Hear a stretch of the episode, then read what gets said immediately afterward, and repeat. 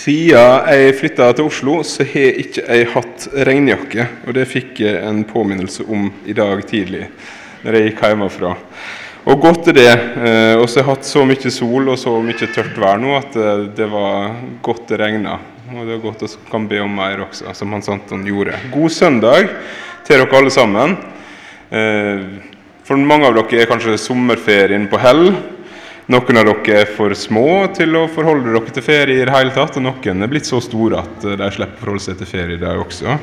Um, uansett hvor dere er, velkommen til misjonssalen og til gudstjeneste her hos oss.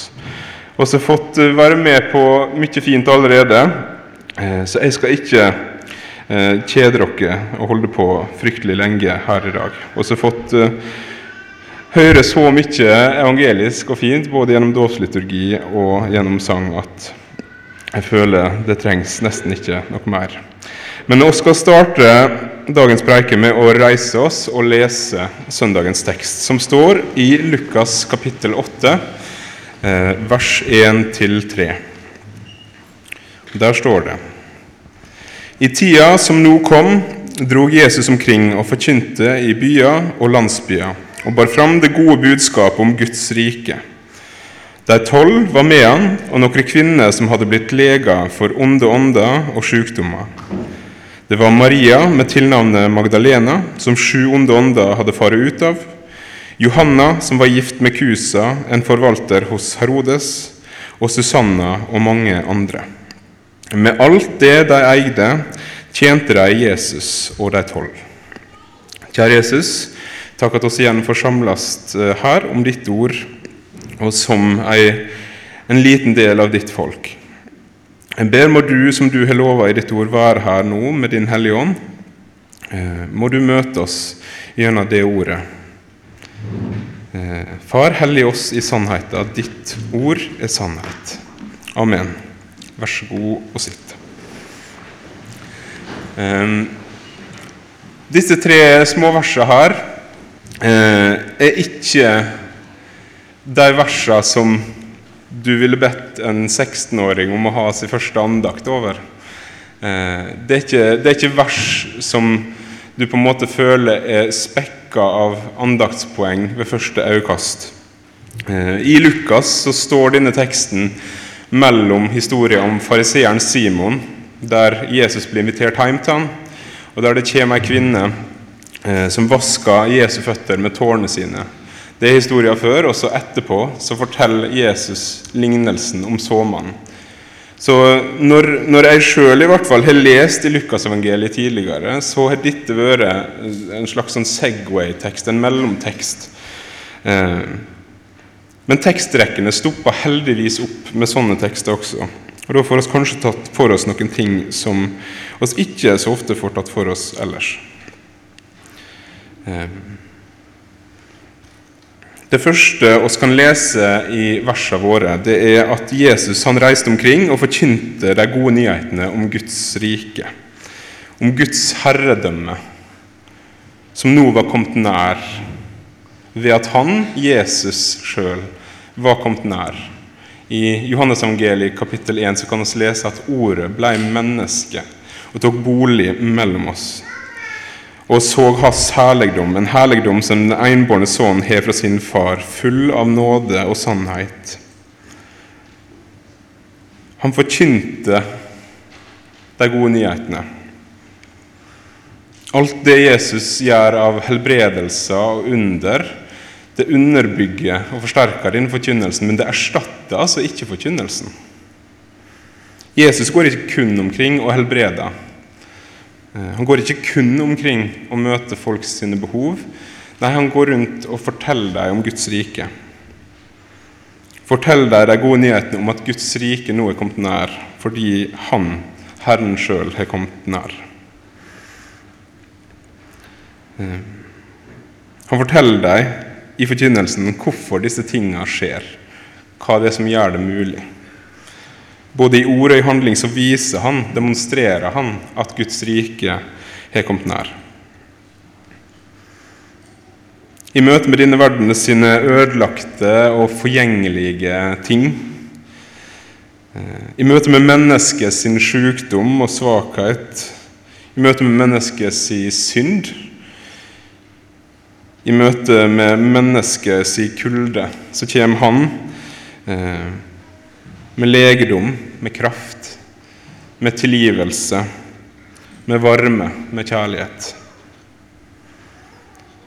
Han møter syndere og sier til dem at 'dine synder er tilgitt'.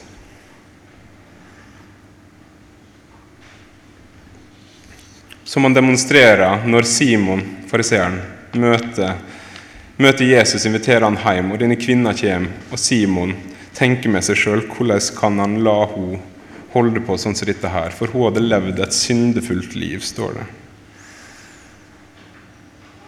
Så forklarer Jesus for henne at hun har gjort alt det han som vert ikke hadde gjort mot, mot han. Du salva ikke hodet mitt med olje, men hun har vaska føttene mine med tårene sine. Og hvorfor gjør hun det? Og Så forteller han en lignelse. Hvem er det som elsker mest av en tjener som blir ettgitt ei stor gjeld, og en tjener som blir ettgitt ei lita gjeld?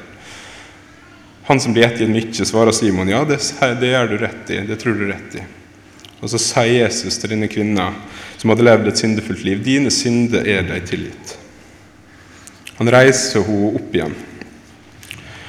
Han lar henne få oppleve med sitt liv at Guds rike også vil komme nær henne. At Jesus også vil komme nær henne. I vår tekst blir oss også presentert for noen kvinner, tre ved navn, og så er det enda flere, sier Lukas som hadde blitt fri for onde åndsmakter og fra sykdom. Jesus hadde inn i deres liv også kommet og demonstrert at Guds rike er kommet nær, og at han har makt til å sette folk i frihet, fra hva det nå enn måtte være. Og nå fulgte de han. Men jeg vil stoppe litt opp med akkurat det at de, var, de hadde blitt fri fra onde ånder. For Det nye testamentet beskriver for oss ei åndelig virkelighet som er virkelig. Ikke ei billedlig åndelig virkelighet, men ei virkelig åndelig virkelighet. Der det ikke bare er Den hellige ånd som fins, men der det faktisk fins onde åndskrefter. Som binder folk, som plager folk. Andre plasser i Det nye testamentet kan vi lese om hvordan åndsmakter får folk til å skade seg sjøl, til å utagere. Hvordan de kunne få makt over mennesket, så mennesket ikke var seg sjøl. Dette er en virkelighet som kanskje kan virke fjern for mange av oss her i Norge, og kanskje særlig i den tida som vi nå lever i. Noen av dere har vært misjonærer. Kanskje har noen av dere møtt den åndelige virkeligheten mer direkte der ute. Ofte er den mer på en måte framtredende der enn her hjemme. Jeg husker når jeg var tenåring, så fikk jeg høre ei som hadde vært misjonær i et land i Afrika, fortelle at i den byen der hun var, så var det en mann som hadde en alvorlig sykdom, men som var helt uh, mulig å behandle på sykehus. En sykdom som han ikke trengte å dø av, men som han nå holdt på å dø av. Og Grunnen til at han ikke hadde reist på sykehuset, det var at i huset, i hytta i landsbyen der han bodde, så var det en slange som snakka til han, og som hadde nekta han å reise på sykehuset. Sprøtt. Andre fortalt om gudstjeneste i en misjonskontekst der de har møtt besettelse helt direkte der på gudstjenesten. Onde åndsmakter er noe Det nye testamentet beskriver som en realitet. Det må oss også gjøre. Eh, så tror jeg at gjennom kirkehistoria så har veldig mye blitt tolka som besettelse av kirka og av oss kristne. Eh, før psykologi og, eh, og, mental helse kom i fokus på den måten som det er gjort i vår tid, så ble, ble nok mange utsatt for unødvendige eh, åndeutdrivelser fordi de egentlig sleit med en psykisk lidelse. Men kanskje står oss i fare for å gå i motsatt grøft at alt blir forklart vekk med noe annet. At vi ikke forholder oss til ei åndelig virkelighet i det hele tatt. Når jeg gikk på videregående, så husker jeg at det var en del av mine kristne medelever som Og så åpna Bibelen lag og oss en del. Eh, og så kom vi til en sånn tekst der det sto om, om åndsmakter. Og da, da steila det et par av dem. Fordi de hadde forholdt seg til Den hellige ånd Det største selvfølgelig. Selvfølgelig eksisterer Den hellige ånd. Når vi kom til de tekstene som handla om onde åndsmakter, så var det sånn Onde åndsmakter, hva er dette her? Er det sånn Åndenes makt hadde jo begynt på TV allerede da, liksom, og det var jo bare tull. og eh, Fins det her, liksom? Er det her noe Bibelen sier noe om? Det hadde de aldri hørt.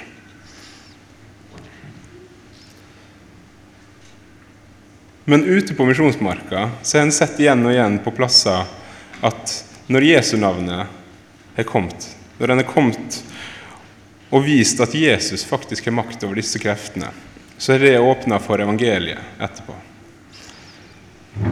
Denne mannen som jeg fortalte om i Afrika, som ikke fikk lov av slangen i huset sitt, som snakka til han, til å reise på sykehuset. Når misjonærene fikk komme hjem og befale denne slangen i Jesu navn om å fare ut, så for den ånden ut, og så fikk denne mannen den helsebehandlinga han trengte. Og I forlengelsen av det så åpna det seg ei dør for evangeliet inn i den landsbyen. Um.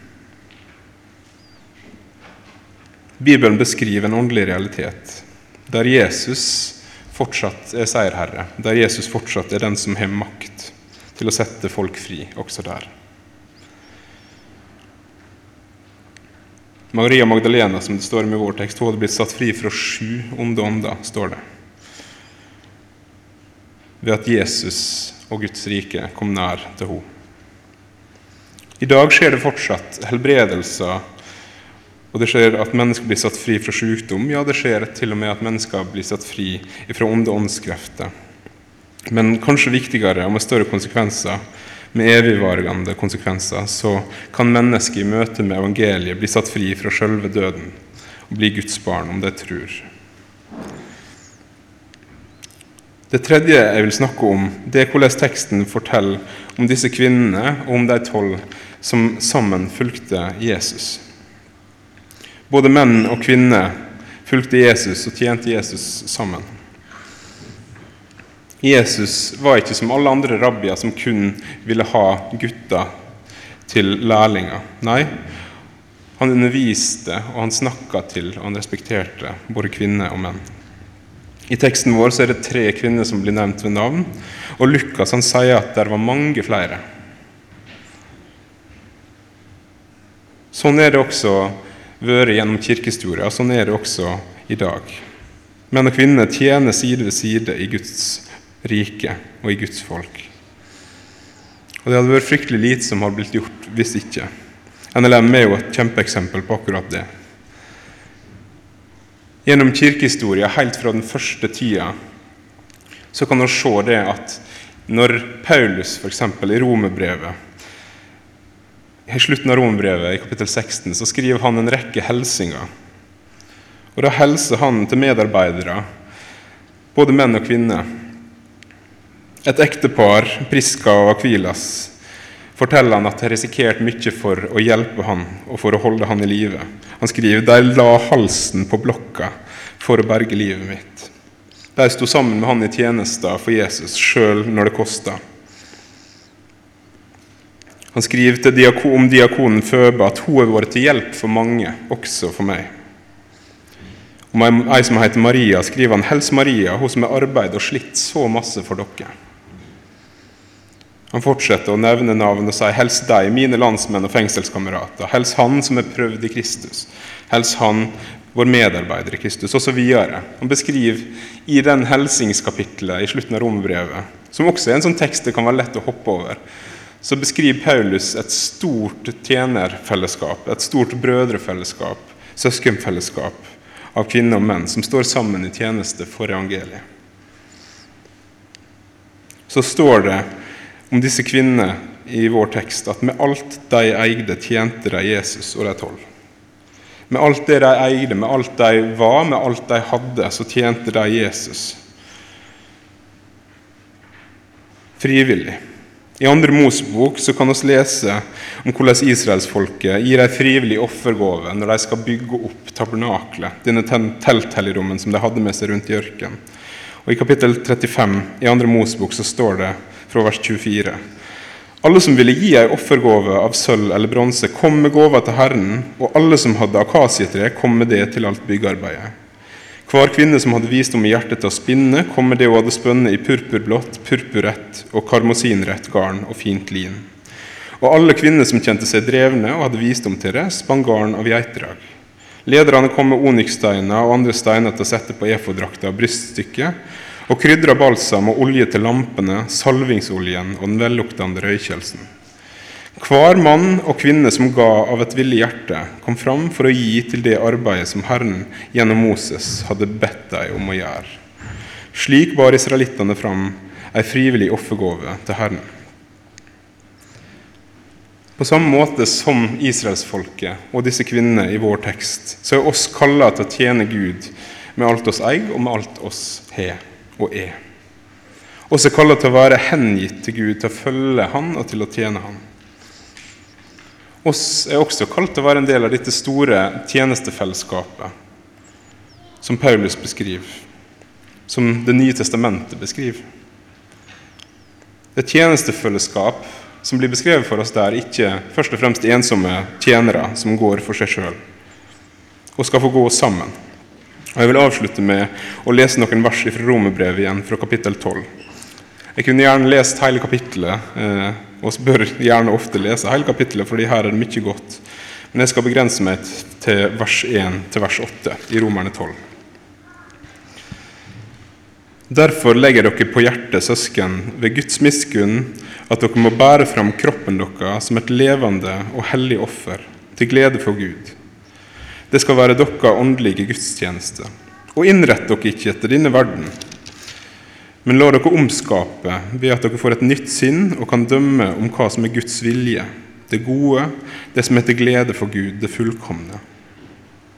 Ved den nåden jeg har fått, sier jeg til hver en av dere, tenk ikke for store tanker om deg sjøl, men bruk forstand og vær sindig.